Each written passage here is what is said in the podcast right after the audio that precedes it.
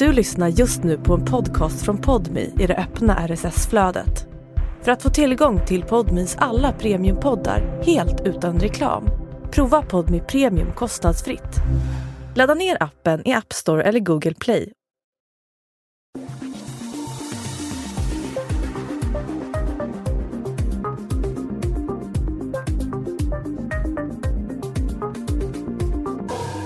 På en stig ute i skogen hittas en man död.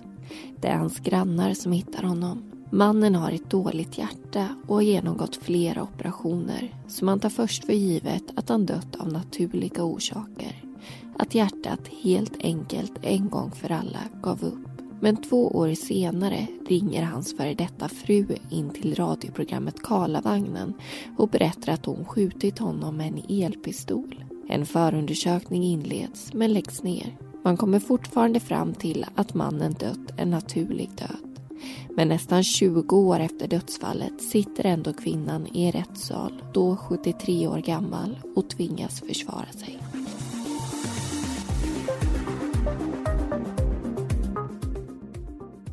Du lyssnar på Mordpodden, en podcast om den mörka verkligheten. I månadens premiumavsnitt berättar vi om Skogsstigen.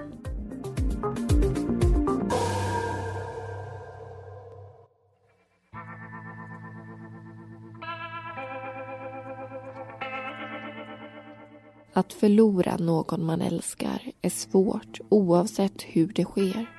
Även om personen är gammal och sjuk och man någonstans är förberedd på att dagarna är räknade blir det ändå en stor sorg när man väl får beskedet att han eller hon har tagit sitt sista andetag. Det finns nog inget rätt eller lätt sätt att dö på. Däremot finns det oräkneliga exempel där hela kroppen skriker att det är helt fel. Där barn förlorar kampen mot sjukdomar och aldrig får möjlighet att vara just barn och inte heller att få bli vuxna där människor tas ifrån oss i trafiken på grund av ett slumpmässigt möte med en berusad person bakom ratten. Eller där någon annan tar beslutet att avsluta någons liv. Det vi berättar om. Mord. Inget dödsfall är lätt att hantera. Men sådana exempel som jag nyss nämnde tror i alla fall jag gör det extra svårt. Det handlar då inte bara om att acceptera att personen är borta utan även sättet det skedde på. I det här avsnittet ska vi berätta om en händelse som är svår att rubricera. En person med dåligt hjärta hittas död. Men frågan är om det är hjärtat själv som har gett upp eller om en utomstående person kan vara orsaken till att det slutade slå. Handlar det om en naturlig död eller ett mord? Det kommer både tingsrätt och hovrätt få ta ställning till och vi ska berätta om hur det i det här fallet gick till. Året är 1987. Ivar och Inga-Maj hittar kärleken i varandra och bestämmer sig för att växla ringar och lova att älska varandra i nöd och lust. Men äktenskapet skulle visa sig innehålla mer av det förstnämnda, nöd. Där och då är de förmodligen övertygade om att de tar rätt beslut. Båda har två barn från tidigare förhållanden.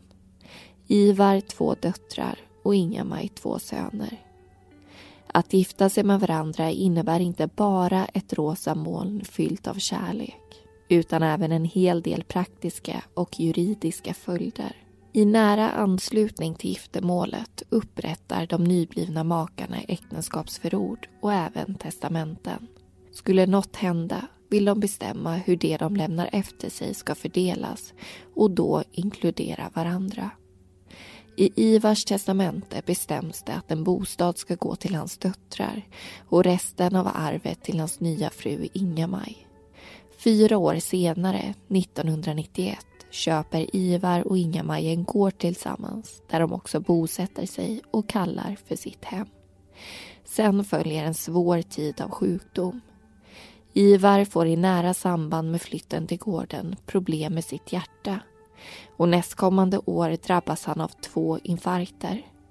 Han klarar sig, men hjärtat är svagt. Kärleken till Inga-Maj verkar dock fortfarande vara stark. I alla fall om man ska lita på hans testamente. Han ändrar nämligen sitt gamla och bestämmer nu att all egendom efter honom ska tillfalla hans fru. Och inte nog med testamentet. Det skrivs också ett nytt äktenskapsförord med avtal om att ett hus i Bohuslän ska vara hennes enskilda egendom. Ivars tillstånd är kritiskt. Han genomgår en stor hjärtoperation för andra gången och drabbas dessutom av den fruktade lungsjukdomen KOL. Och snart ska också äktenskapet ta en vändning.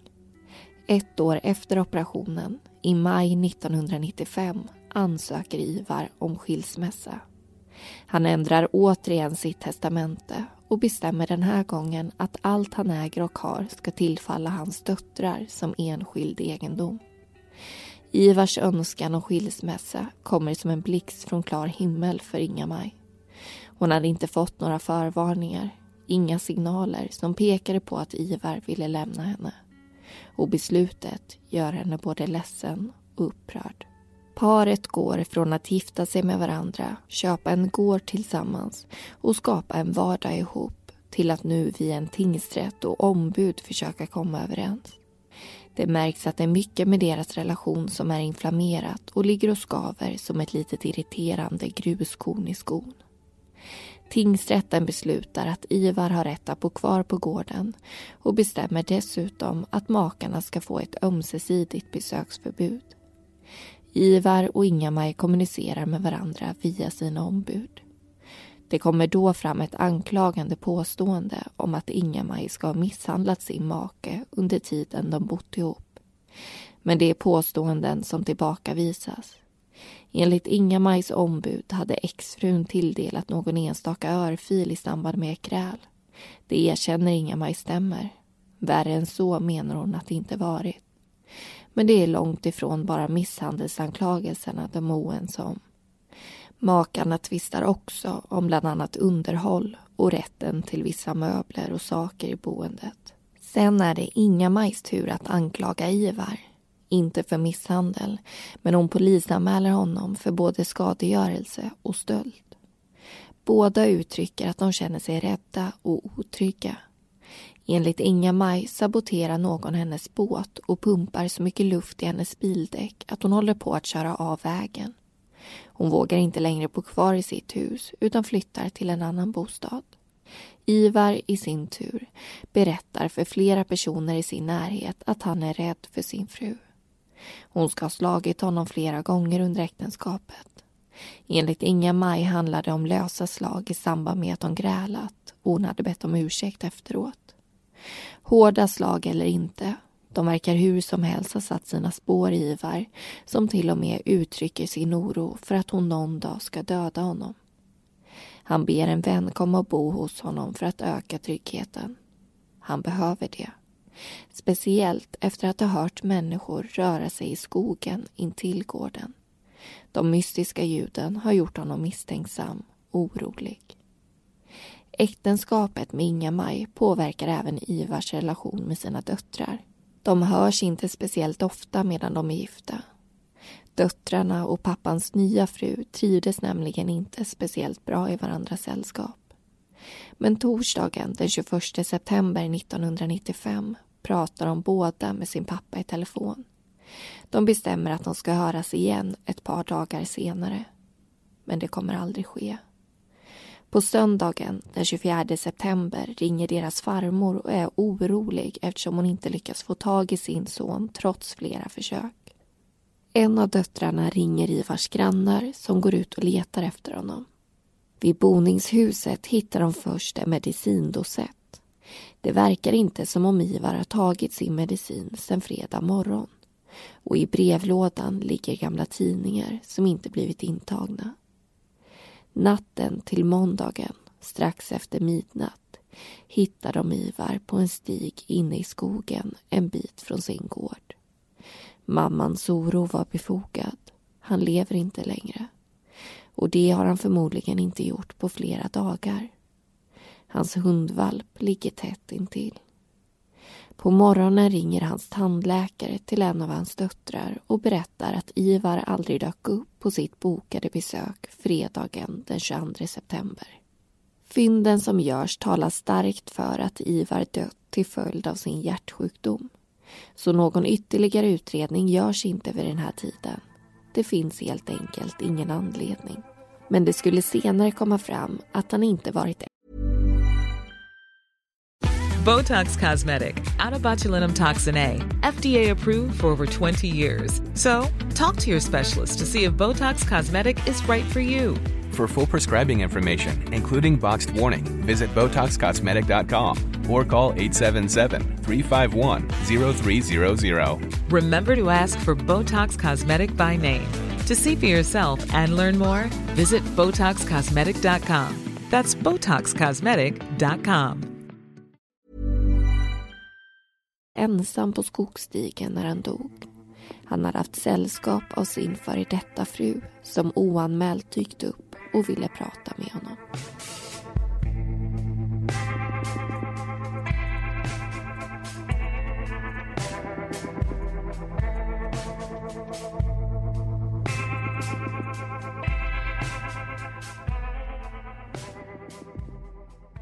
Ja, då vill vi välkomna in, in i den första diskussionen av Skogsstigen. Det här är ju det första avsnittet som Mordpodden släpper 2020 och det är ett eh, nytt år, men vår tanke är ju att vi ska likt de andra åren tillbringa det här tillsammans med er. Och vi kommer att fortsätta släppa ett avsnitt i månaden här hos Podmi, precis som vi gjorde förra året. Och i år så har vi tänkt att vi ska försöka släppa avsnitten samma datum varje månad och då har vi tänkt den 28 så ni vet det. I år så kommer det bli lite färre gratisavsnitt på grund av eh, våra livssituationer. Vi hinner helt enkelt inte och vi är som ni vet väldigt måna om att hålla samma kvalitet på alla avsnitt så vi gör hellre färre avsnitt där vi kan göra fallen rättvisa än att rafsa ihop många avsnitt bara för att leverera mycket material och publicera ofta. För det är ju trots allt verkligheten vi berättar om som vi ofta påminner er om. Och vi känner ju att vi har ett ansvar där som vi måste leva upp till. Mm. Och tanken är ju fortfarande att de här premieavsnitten ska handla om fall som ni lyssnare har tipsat oss om och som många också vill höra om. Så fortsätt gärna komma med tips till oss. Har ni något fall som verkligen har fastnat hos er, någonting som skedde i era hemtrakter eller någonting som skett där ni bor idag, hör av er till oss och berätta om det så kanske det kan bli ett premieavsnitt i år. Och vi vill ju att ni ska vara så delaktiga i den här podden som möjligt. Vi hade inte kunnat göra den så bra som den är utan er. För många av våra mest intressanta fall, det är ju faktiskt sånt som ni har hjälpt oss att hitta. Och tips och önskemål det kan ni lämna på våra sociala medier. Vi heter Mordpodden både på Facebook och Instagram. Och vi har även en mail och då är det mordpodden gmail.com som gäller. Och vissa tror ju att vi har en redaktion som sköter lyssnarkontakten åt oss. Men det har vi inte utan ni kommer nå oss personligen och kan därför vara säkra på att vi får era tips. Och vi kan ju såklart inte lova att alla tips blir avsnitt men vi lovar att kolla upp alla tips som vi får. Och med det så tänker jag att vi ska dyka tillbaka in och vi ska prata om den här månadens fall, alltså det här fallet som vi tar upp i avsnittet som heter Skogsstigen.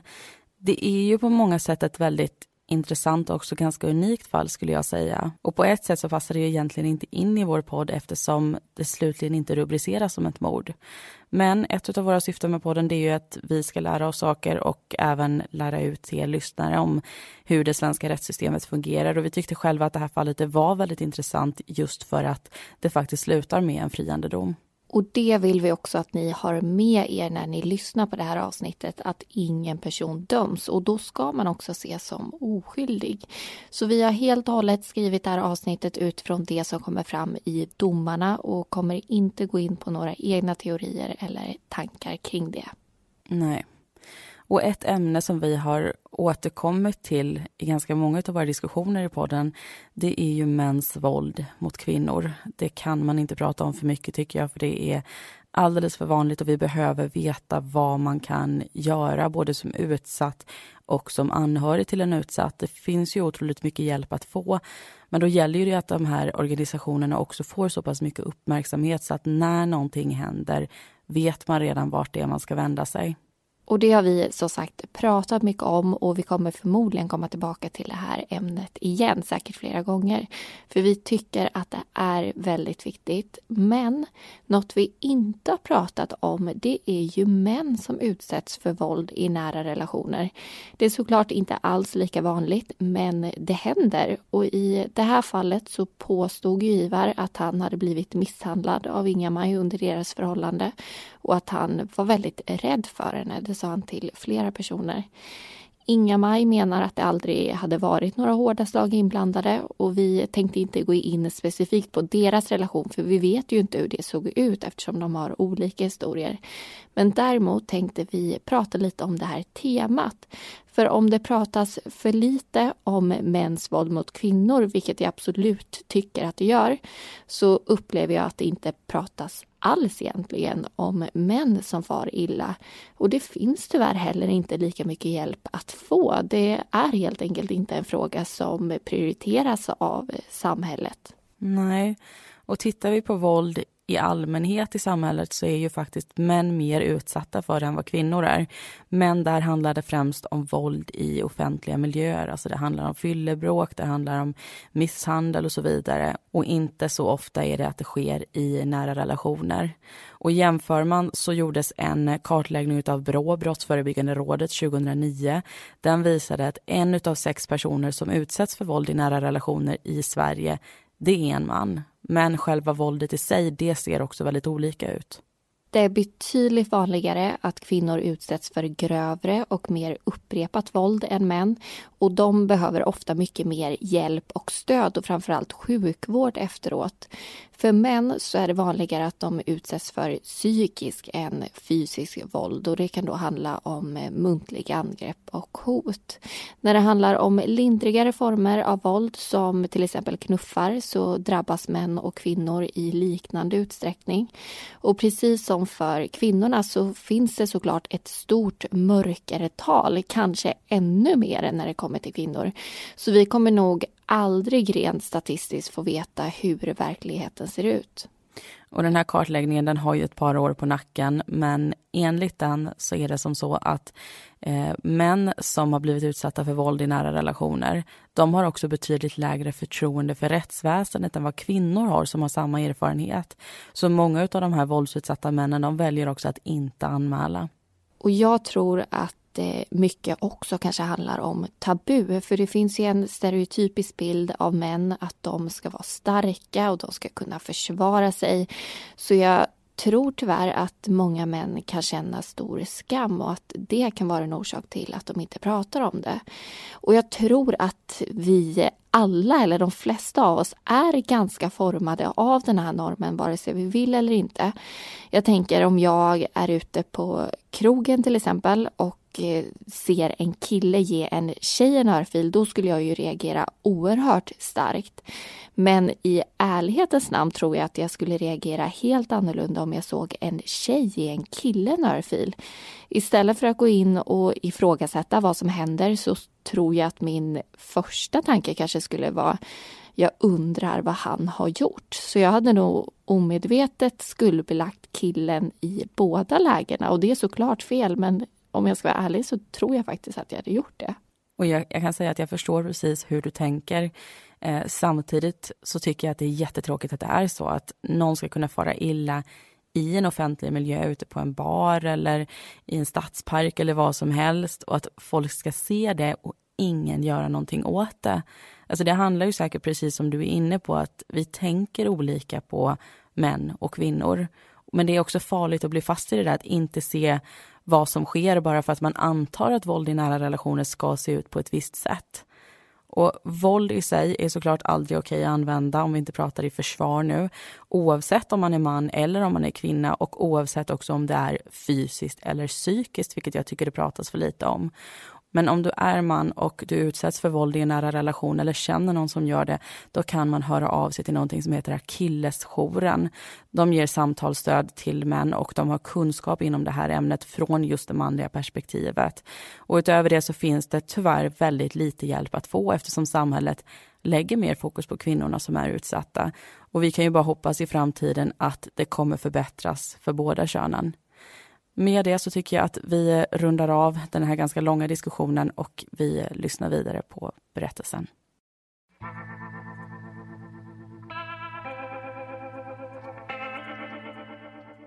Året är 1995. Inga-Maj kommer hem till sin son Magnus och berättar att hon fått reda på att Ivar vill skiljas. Hon är förbannad och frågar om sonen kan göra en sak åt henne. Hon undrar om han kan döda Ivar. Självklart kommer han i så fall få betalt. Men Magnus säger bestämt nej. Att han ska döda någon finns inte på kartan. En tid efter deras minst sagt märkliga möte kommer Inga-Majs bror hem till Magnus. Med sig har han två elpistoler. Han säger att de är till Inga-Maj. Något hon kan använda i självförsvar om det skulle behövas. En tid efteråt kommer mamman mycket riktigt och plockar upp dem. Att bli skjuten av en elpistol är i vanliga fall inte livshotande. Men för en redan hjärtsjuk person kan det få förödande konsekvenser eftersom chocken får musklerna att krampa. Enligt Inga-Maj ringer Ivars... Say hello to a new era of mental health care. Cerebral is here to help you achieve your mental wellness goals with professional therapy and medication management support. 100% online. You'll experience the all new Cerebral Way, an innovative approach to mental wellness designed around you. You'll get a personalized treatment plan from a therapist, prescriber, or both in a safe and judgment free space. Your Cerebral therapist or prescriber will outline a customized plan with clear milestones along the way so you can get to feeling your best. With Cerebral, you're not alone in your mental health journey. We're here to empower you to live a fulfilling life. So take that first step towards a brighter future and sign up today at cerebral.com slash podcast and use code ACasts to get 15% off your first month. Offer only valid on monthly plans. Other exclusions may apply. Offer ends July 31st, 2024. See site for details. advokat upp henne den 21 september 1995. Han vill att hon ska signera något papper. Men Inga-Maj är arg och irriterad så istället för att gå med på att skriva under slänger hon på luren i örat på ombudet. Dagen därpå kör hon ut till Ivars gård som tidigare varit deras gemensamma. Hon parkerar bilen utom synhåll från gården så han inte ska upptäcka att hon kommit dit. Ser han henne är hon rädd att han inte kommer komma ut från huset och hon vill verkligen prata med honom öga mot öga. Diskutera de papper han vill att hon ska skriva på. Hon hoppas även få en förklaring till varför han lämnat henne. De hade tillbringat många år tillsammans och så plötsligt tog allt bara slut. Inga-Maj ser det hela som ett stort svek och vill nu ha svar. Hon går mot gården på en skogsstig där hon och Ivar brukade rasta sina hundar. Och mycket riktigt händer det som hon önskar. Inga-Maj ser sin före detta man som är ute på promenad med en hundvalp. Men att hon är där samma dag som Ivar dör håller hon hemligt. Natten till den 25 september hittas alltså Ivar livlös där på skogsstigen. Men någon tanke om att ett brott skulle ha begåtts och att någon utomstående orsakat hans död finns inte. Den tragiska situationen förklaras av att hans dåliga hjärta måste ha gett upp. Men två år senare händer någonting som skapar misstankar om en annan förklaring. 1993 har Sveriges Radios program Karlavagnen premiär. Det får ett varmt välkomnande av svenska folket och har pågått sedan dess. Varje kväll brukar programmet ha ett speciellt tema och lyssnarna får själva ringa in för att prata med programledarna i direktsändning om deras tankar och erfarenheter. 1997 provar Inga-Maj att ringa in. Hennes samtal blir utvalt och hon kommer fram till programledaren för kvällen. Hon berättar om den dramatiska septemberdagen för två år sedan när hennes före detta make miste livet och plötsligt slinker hennes hemlighet ut. Hon säger någonting om en elpistol.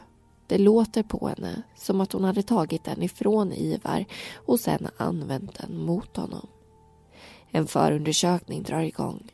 Vad hade Inga-Maj egentligen menat med sitt uttalande i direktsänd radio? Hon förhörs i november och enligt anteckningarna därifrån berättar hon bland annat att hon har använt en elpistol mot Ivar på skogsstigen några dagar innan han hittades död. Men i januari 1998 läggs utredningen ner. Bedömningen är fortfarande att det var en hjärtinfarkt som har tagit Ivars liv och att han alltså har gått en naturlig död till mötes. I 14 år är det tyst kring händelsen. Men 2012 nystas allting upp igen. Inga-Majs son Magnus kan inte släppa samtalet han hade med sin mamma strax innan Ivar dog och nu vill han inte hålla det inom sig längre. Han berättar för polisen att hans mamma kommit hem till honom och bett honom ta livet av Ivar och att hon senare påstått att hon tagit livet av honom själv med en elpistol. Magnus har också lyckats spela in ett samtal med henne där hon berättar det här. En ny förundersökning drar igång och en kompletterande rättsmedicinsk undersökning utförs av samma läkare som gjorde den första. Men nu har läkaren en ny utgångspunkt att undersöka. Frågan är om en användning av elpistol mot Ivar kan ha orsakat hans död och i så fall på vilket sätt. I överläkarens uttalande står det att kontakt med elpistolens elektroder borde lämna två runda bruna ytliga brännmärken. Inga skador med sånt utseende har upptäckts vid undersökningen av Ivars kropp. Läkaren kan inte bedöma om ett skott med en elpistol skulle kunna ha lett till Ivars död. Men han poängterar att för någon med så pass framskriden hjärtsvikt är det mycket som kan tippa vågen. Och en professor i anatomi säger att ett sådant angrepp mot en hjärtsjuk person är förenat med stor fara. Själv säger Inga-Maj så här om mötet med Ivar den 22 september 1995. När hon stöter på sin före detta man där på skogsstigen en bit från hans gård är hon tomhänt. Elpistolerna som hon fått av sin bror ligger kvar i handsfacket på bilen. Hon menar att det sen är Ivar som går till attack mot henne. De hinner inte ens börja någon konversation. Mötet blir kaosartat och de både knuffar och drar i varandra tills de ramlar båda två. Ivar har ett föremål i handen som hon lyckas rycka ifrån honom. Det kan vara en elpistol, men hon vet inte säkert. Hon riktar hur som helst föremålet mot honom och går sen därifrån. Hennes minnesbild är att hon i ögonvrån ser Ivar stå upp men snubbla till när hon lämnar honom. Hundvalpen springer efter henne och Ivar ropar att hon ska vara snäll mot hunden. Enligt henne är han alltså vid medvetande när hon lämnar platsen. Hon hoppar in i sin bil och åker ifrån gården. Föremålet som hon tagit från Ivar kastar hon i en soptunna på en bensinstation. De två elpistolerna som hon fått av sin bror gräver hon först ner men ångrar sig plötsligt och gräver upp dem igen. Dagen efter ringer hon till sin son och säger att Ivar är död. Hon vet själv inte varför eftersom Ivar inte varit död när hon lämnade honom. När hon får dödsbeskedet känner hon sig tom och har svårt att ta det till sig. Vid den här tiden tar hon en antidepressiv medicin som hon upplever ger henne starka biverkningar. Det var de som fick henne att fråga sonen Magnus om han kunde ta livet av Ivar. Nu när medicinen har gått ur kroppen kommer en oro och en rädsla för att hon själv kanske har orsakat hans dödsfall trots att hon vet att hon inte använt något våld mot honom. Den här versionen skiljer sig en aning från den hon gav 1997 då var hon ganska säker på att det var just en elpistol hon riktade mot Ivar. Hon hade nämligen hört ett sprakande ljud när den var vänd emot honom. Det var bara Inga-Maj och Ivar som befann sig på stigen den där speciella höstdagen 1995. 19 år senare, när Inga-Maj är 73 år gammal, ställs hon inför rätta. Var det hon som hade orsakat hans död eller inte? Hon verkar själv osäker och rätten har en svår uppgift framför sig.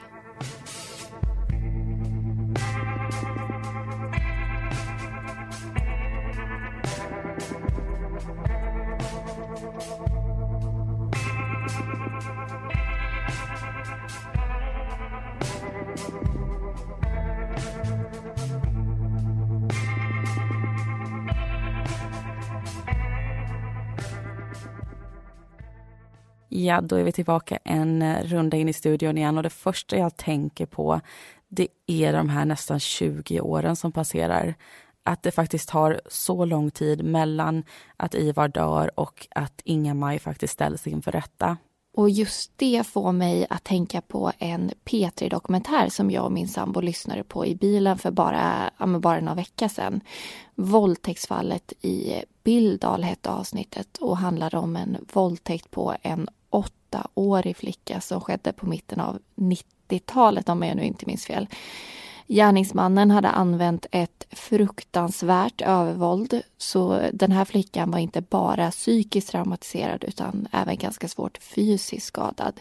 Och för mig så är det här nog det värsta en person kan göra, alltså att skada ett litet barn. Jag kan bara inte förstå hur någon ja, men dels kan vilja och sen är kapabel till att göra det. Men tyvärr så hände det här och är det någon gång man verkligen, verkligen vill att en gärningsperson ska åka fast så är det väl i just ett sånt här fall. Och jag kan bara föreställa mig hur alla föräldrar kände i Bildal när de släppte iväg sina barn till skolan till exempel och de visste att det fanns någon i närheten förmodligen som hade gjort en sån här sak. Det måste ha skapat en sån enorm otrygghet och oro i det här samhället kan jag tänka mig.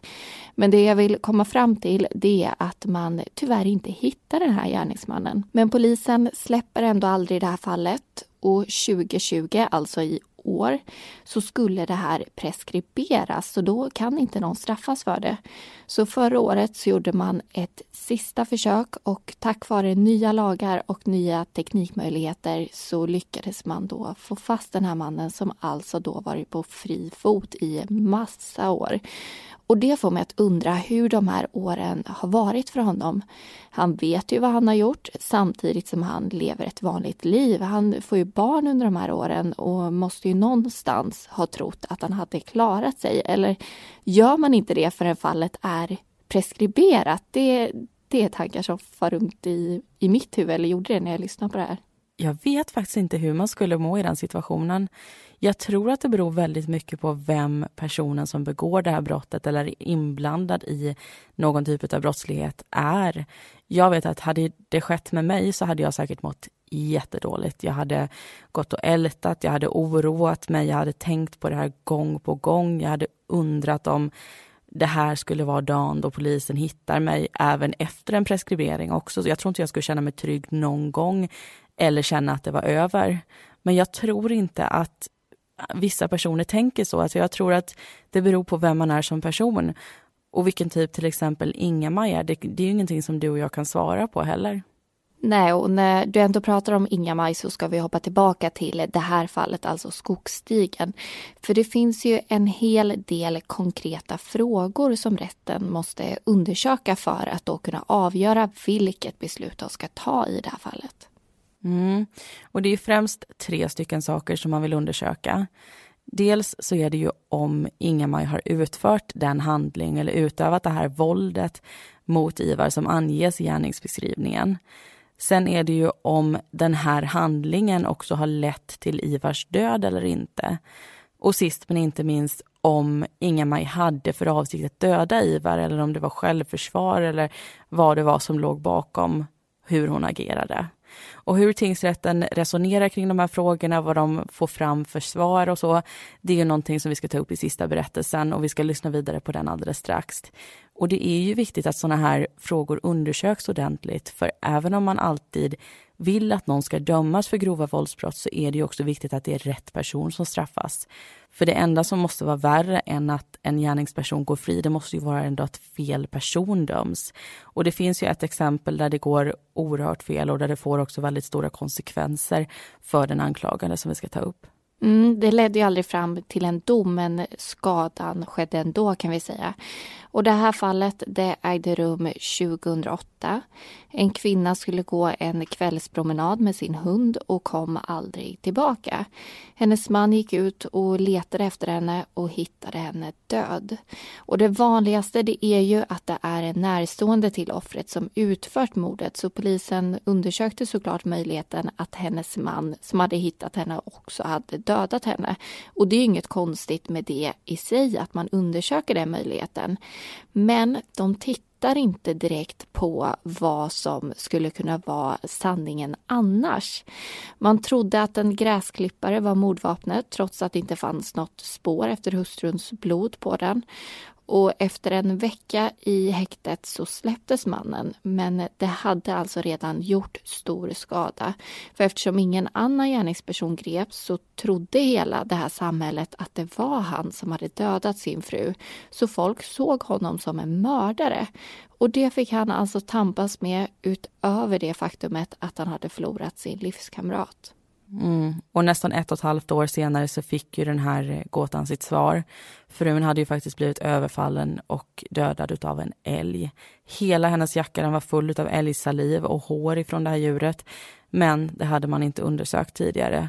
Så det kan alltså vara farligt att dra för snabba och enkla slutsatser och det är någonting som både jag och Amanda försöker ha med oss och vi hoppas att ni lyssnare också har när ni lyssnar på våra och andras berättelser. Nu ska vi lyssna vidare på den sista delen och höra vad det är som händer i slutet av Skogsstigen.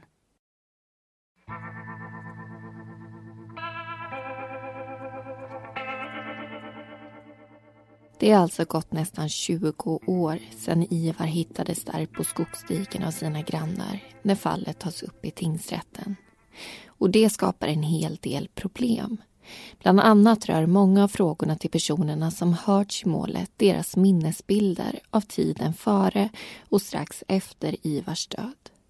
Eftersom minnesbilder har en förmåga att blekna och förändras med tiden så minskar deras trovärdighet. Motivet är såklart alltid intressant. Om nu Inga-Maj haft ett finger med i Ivars död borde det finnas ett skäl till det. En idé är att hon bestämmer sig för att döda honom innan skilsmässan går igenom för att hon på det sättet ska få tillgång till hela hans arv. Om de är skilda skulle hon inte få någonting.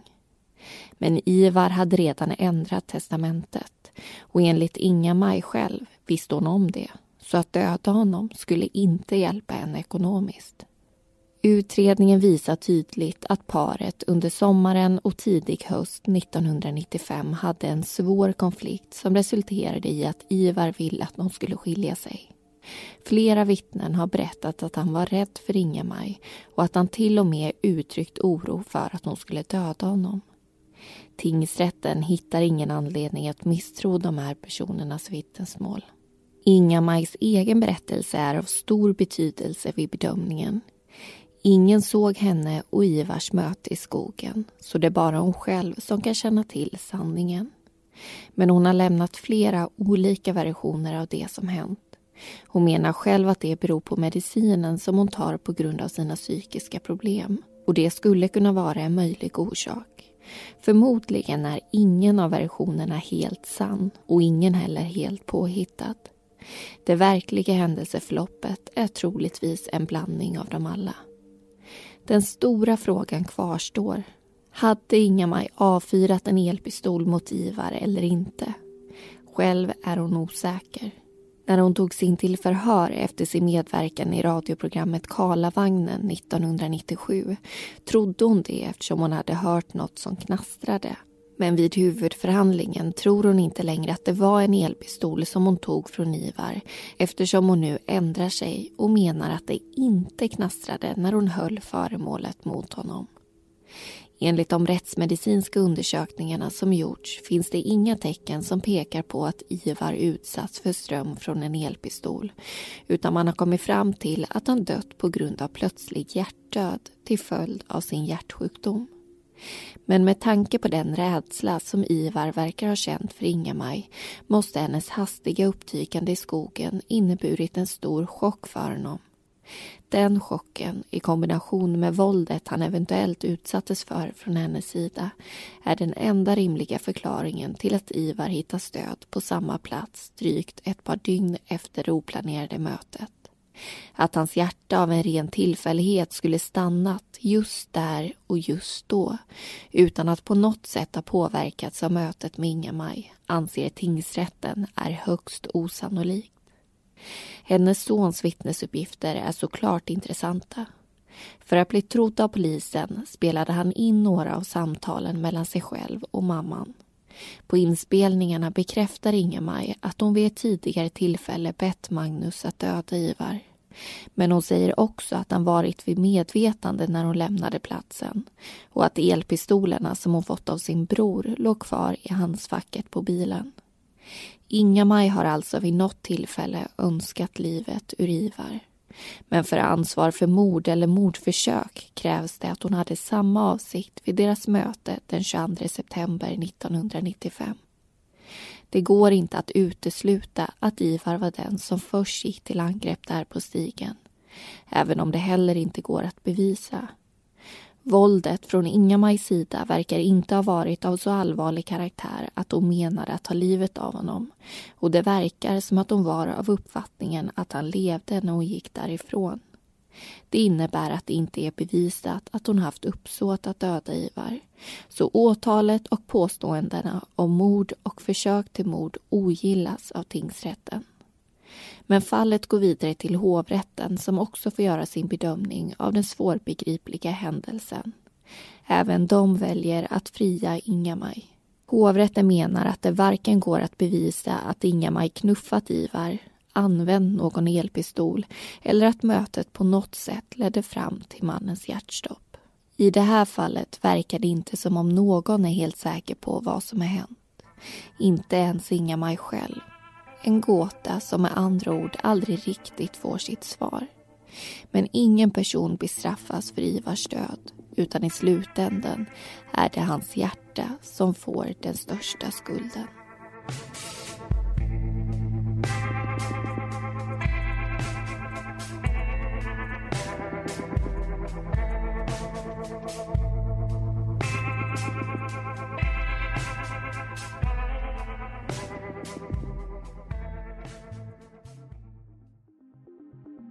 Och det var allting vi hade att berätta om Skogsstigen. Personerna i berättelsen heter egentligen någonting annat och informationen är hämtad från domarna i fallet. I februari är vi tillbaka med ett nytt premiumavsnitt.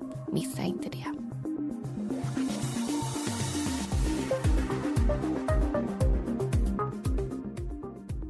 Du har lyssnat på Mordpodden. Vi som har producerat den heter Amanda Karlsson och Linnea Bolin.